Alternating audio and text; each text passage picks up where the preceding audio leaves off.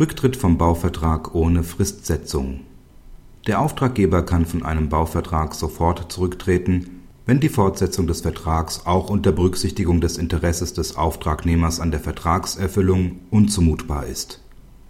Eine solche Unzumutbarkeit kann sich aus gravierenden Mängeln oder aus der vertragswidrigen Einstellung oder Verzögerung der Bauarbeiten ergeben der Auftraggeber beauftragt den Auftragnehmer im März 2004 mit der Errichtung eines Wohnhauses.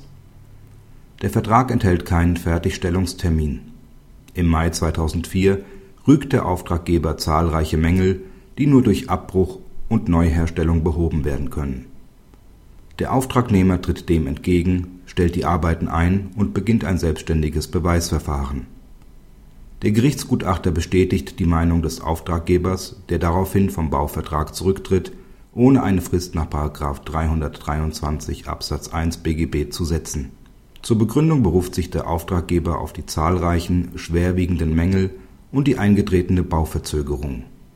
Der Auftragnehmer sei verpflichtet gewesen, die Bauarbeiten jedenfalls bis Ende 2004 fertigzustellen. Daneben verlangt der Auftraggeber Schadensersatz in Höhe von rund 40.000 Euro. Bereits das OLG Koblenz hatte dem Auftraggeber Recht gegeben.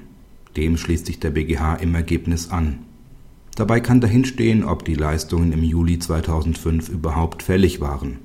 Waren die Leistungen bereits fällig, weil der Auftraggeber erwarten konnte, dass das Einfamilienhaus bis Ende 2004 fertiggestellt ist, ergibt sich der Rücktrittsgrund aus 323 Absatz 2 Nummer 3 BGB Stellt man sich auf den Standpunkt, dass die Leistungen noch nicht fällig waren, liegen jedenfalls die Voraussetzungen des § 323 Absatz 4 BGB vor. Praxishinweis Die vom BGH zu entscheidende Konstellation ist so oder so ähnlich immer wieder anzutreffen.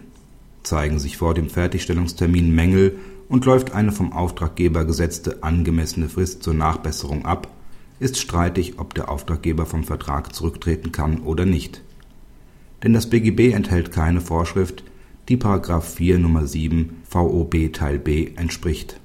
Der BGH hat diese Frage angesichts der Umstände des Einzelfalls ausdrücklich offen gelassen